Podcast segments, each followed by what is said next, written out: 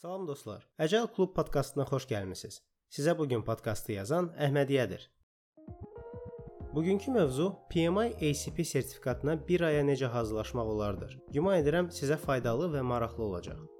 İlk növbədə bu sertifikatla tanış olmayanlar üçün qısa məlumat vermək istəyərdim ki, bu nədir? PMI açılışı Project Management İnstitutdur. Layihə idarə etməsi ilə maraqlanırsınızsa, mütləq bura baş çəkin. Çünki bu şirkətin sertifikatları dünyada ən xod gedənlərdən biridir. Harasa işə müraciət etsəniz və sizin belə bir sertifikatınız olsa, bir çox şirkətlərdə bu bir üstünlük kimi baxılacaq. Əlbəttə bu o demək deyil ki, dərhal sizə iş təklifi olunacaq. Bu sadəcə müsahibəyə dəvət olunma şansınızı artıracaq. Qalanı əlbəttə ki, sizin bilik və təcrübənizdən asılıdır. PMI-in digər PMP adlı sertifikatı ilə də tanış ola bilərsiniz. PMP sertifikatının proqramına Agile yanaşması əlavə olunsa da, PMP daha çox ənənəvi layihə idarə etmə yanaşmasına aiddir. Bugünkü podkastda danışdığımız ACP, yəni Agile Certified Practitioner adından görsəndiyi kimi Agile yanaşmasına aiddir. Bu sertifikatlar haqqında çox qısa məlumat idi. Güman edirəm ki, hələ sizi bezdirmədim. Keçək indi əsas mövzuya. PMI ACP sertifikatına 1 aya necə hazırlaşmaq olar? Günbəgün hesablasaq, əslində 1 ay yarım hazırlaşmışdım imtahana. May ayının ortasından başlamışdım. Bir həftə hazırlaşıb fikirləşdim ki, məlumat çoxdur. Bunun hamısını necə öyrənəcəm? Özümdə materiallardan tam əmin deyildim. Fərqli yerlərdə fərqli kitab, mənbələrdən oxumağı məsləhət görürdülər. Qərar verdim ki, kursa yazılım. Kurs da mənim bəxtimdən artıq qrupu yığılıb başlamışdır və yeni qrup düz yadımdadırsa, iyulda açılacaqdı. Dedim nə isə, özüm hazırlaşaram. Mayın 22-si bir də ayıldım ki, bu ay bitir artıq. Mən isə 400-dən çox səhifəli kitabın kitabın cəmi 20-sini oxumuşam. Elə o an düşündüm ki, gərək imtahana yazılıb tarix alım ki, ciddi hazırlaşmağa başlayım. Bu qərarı vermək üçün çox dərin analiz etdim. Əslində isə həyatımın əsas qərarlarını verdiyim kimi Burada da qəpiyə atdım. Xəritə düşsə iyulda verəcəm imtahanı, 20 tərəfi olsa sentyabrda və xəritə olduğu üçün dərhal daxil oldum PMI saytına və qeydiyyatdan keçdim. Onu qeyd edim ki, imtahana yazılmaq üçün bəzi kriteriyalara cavab verməlisiniz. Kriteriyalar bunlardır. 1. 12 ay ümumi layihə təcrübəniz olmalıdır. 2. 8 ay yuxarıdakının tərkibi olmamaq şərti ilə Agile layihə təcrübəniz olmalıdır. 3. Ali təhsil. 4. 21 Agile təlim saatı ya da 21 PGU 21 contact hours. Dördüncü tələbi Udemy-də PMI ACP Exam Prep Success Joseph Phillips'in kursunu keçərək tamamlaya bilərsiniz. Kursun sonunda təlimçinin dediklərini izləyərək 21 PGU tələbini qarşılayan sertifikatı ala bilərsiniz.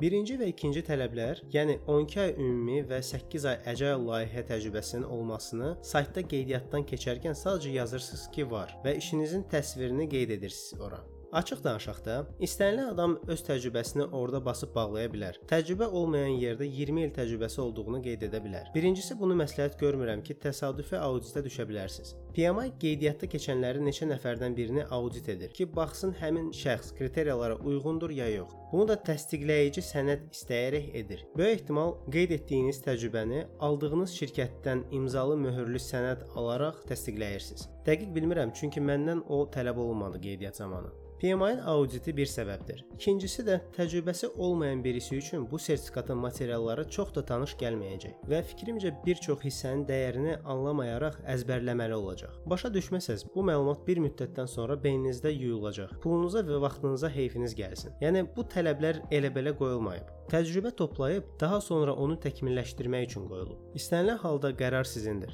İmtahan özü 120 sualdan ibarətdir. 120 sualdan 20-si heç bir bal vermir. Onlar sadəcə PMI-nin yoxlamaq istədikləri suallardır. Yoxlamaq istəyirlər ki, bəlkə onlar çox çətindir və ona çox adam cavab verə bilməyəcək və yaxud əksinə, çox asandır, hamı cavab verə bilib. Yoxlayandan sonra növbəti imtahanlarda bu sualları uyğundurlarsa, əsas suallar siyahısına salırlar. Bu 20 bal verməyən sualın hansı suallar olduğunu bilmirsiniz. Hamısı adi sual kimi verilir. Onu qeyd edim ki, imtahan zamanı bəzi suallar olur ki, sizi çaşdırır. Başa düşmək çətin olur. Düzgün cavabı da seçmək demək olar ki, mümkün olmur. Təxmin edirəm ki, bu o həmin suallardır ki, imtahanda bizi stresə salır. Stresə düşəndən sonra ayılmaq biraz çətin olur. Amma məhz elə belə suallara reaksiyanız sizi imtahandan kəsilən insanlardan fərqləndirəcək. İmtahan sualları 7 domain olaraq bölünür. Yəni 7 hissə. Domain 1 Agile Principles and Mindset. Agile prinsipləri və düşüncə. Burada Agile metodları, yəni Scrum, Kanban, Extreme Programming, Crystal və s. frameworkları haqqında suallar olacaq. Domain 2 Value Driven Delivery. Bu hissədə dəyərli məhsul funksionallığı müştəriyə necə komanda tərəfindən çatdırdığı, hansı metriklərə fokus olduğu yoxlanılır. Qeyd etdim ki, 7 domen üzrə ən çox sual və nəticədə ən çox bal verən domen budur. Domain 3. Stakeholder engagement. Bu hissədə maraqlı tərəflər, yəni daxili, bunlar arasında şirkət daxilində fərqli departamentlər, müdiriyyət ola bilər və xarici müştərilər ilə ünsiyyət və iş prosesinin qurulmasına dair suallar olur. Domain 4. Team performance.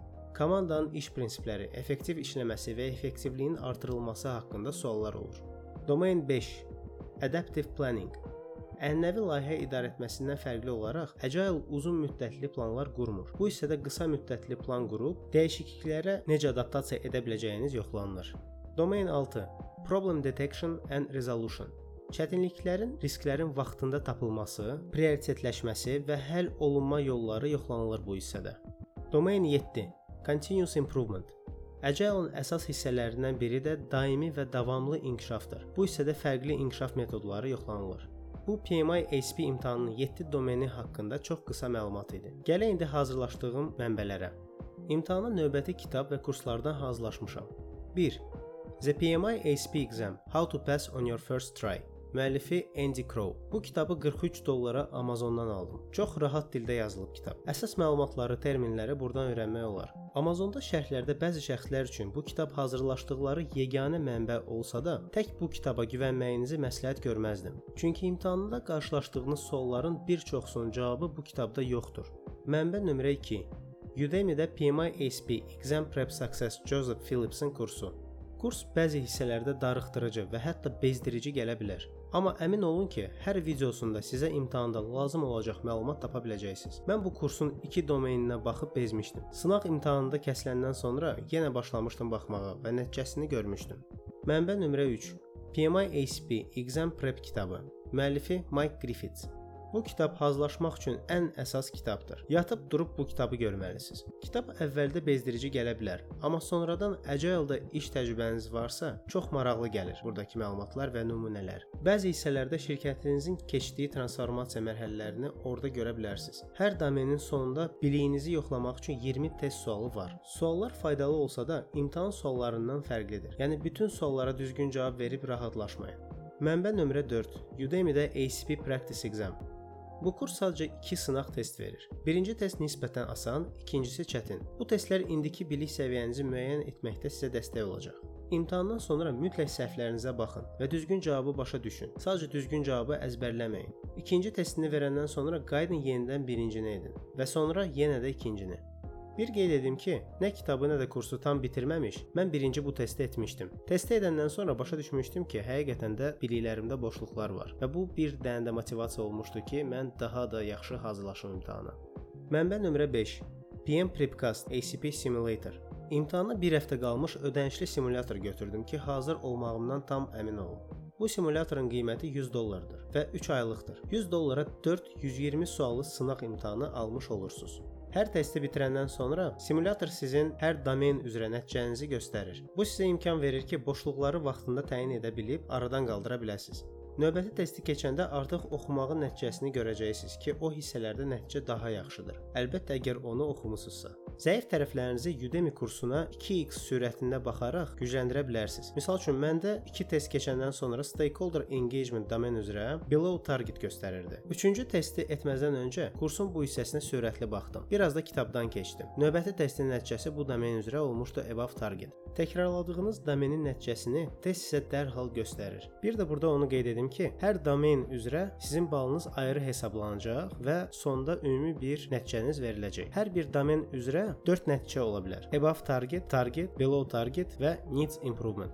Məndə imtahanda bütün domenlər üzrə above target nəticəsi olmuşdur. Yəni hədəfdən yuxarı. Ümid edirəm ki, bu podkastı qulaq asandan sonra özünüz imtahana hazırlaşıb siz də belə bir skor yığa biləcəksiniz.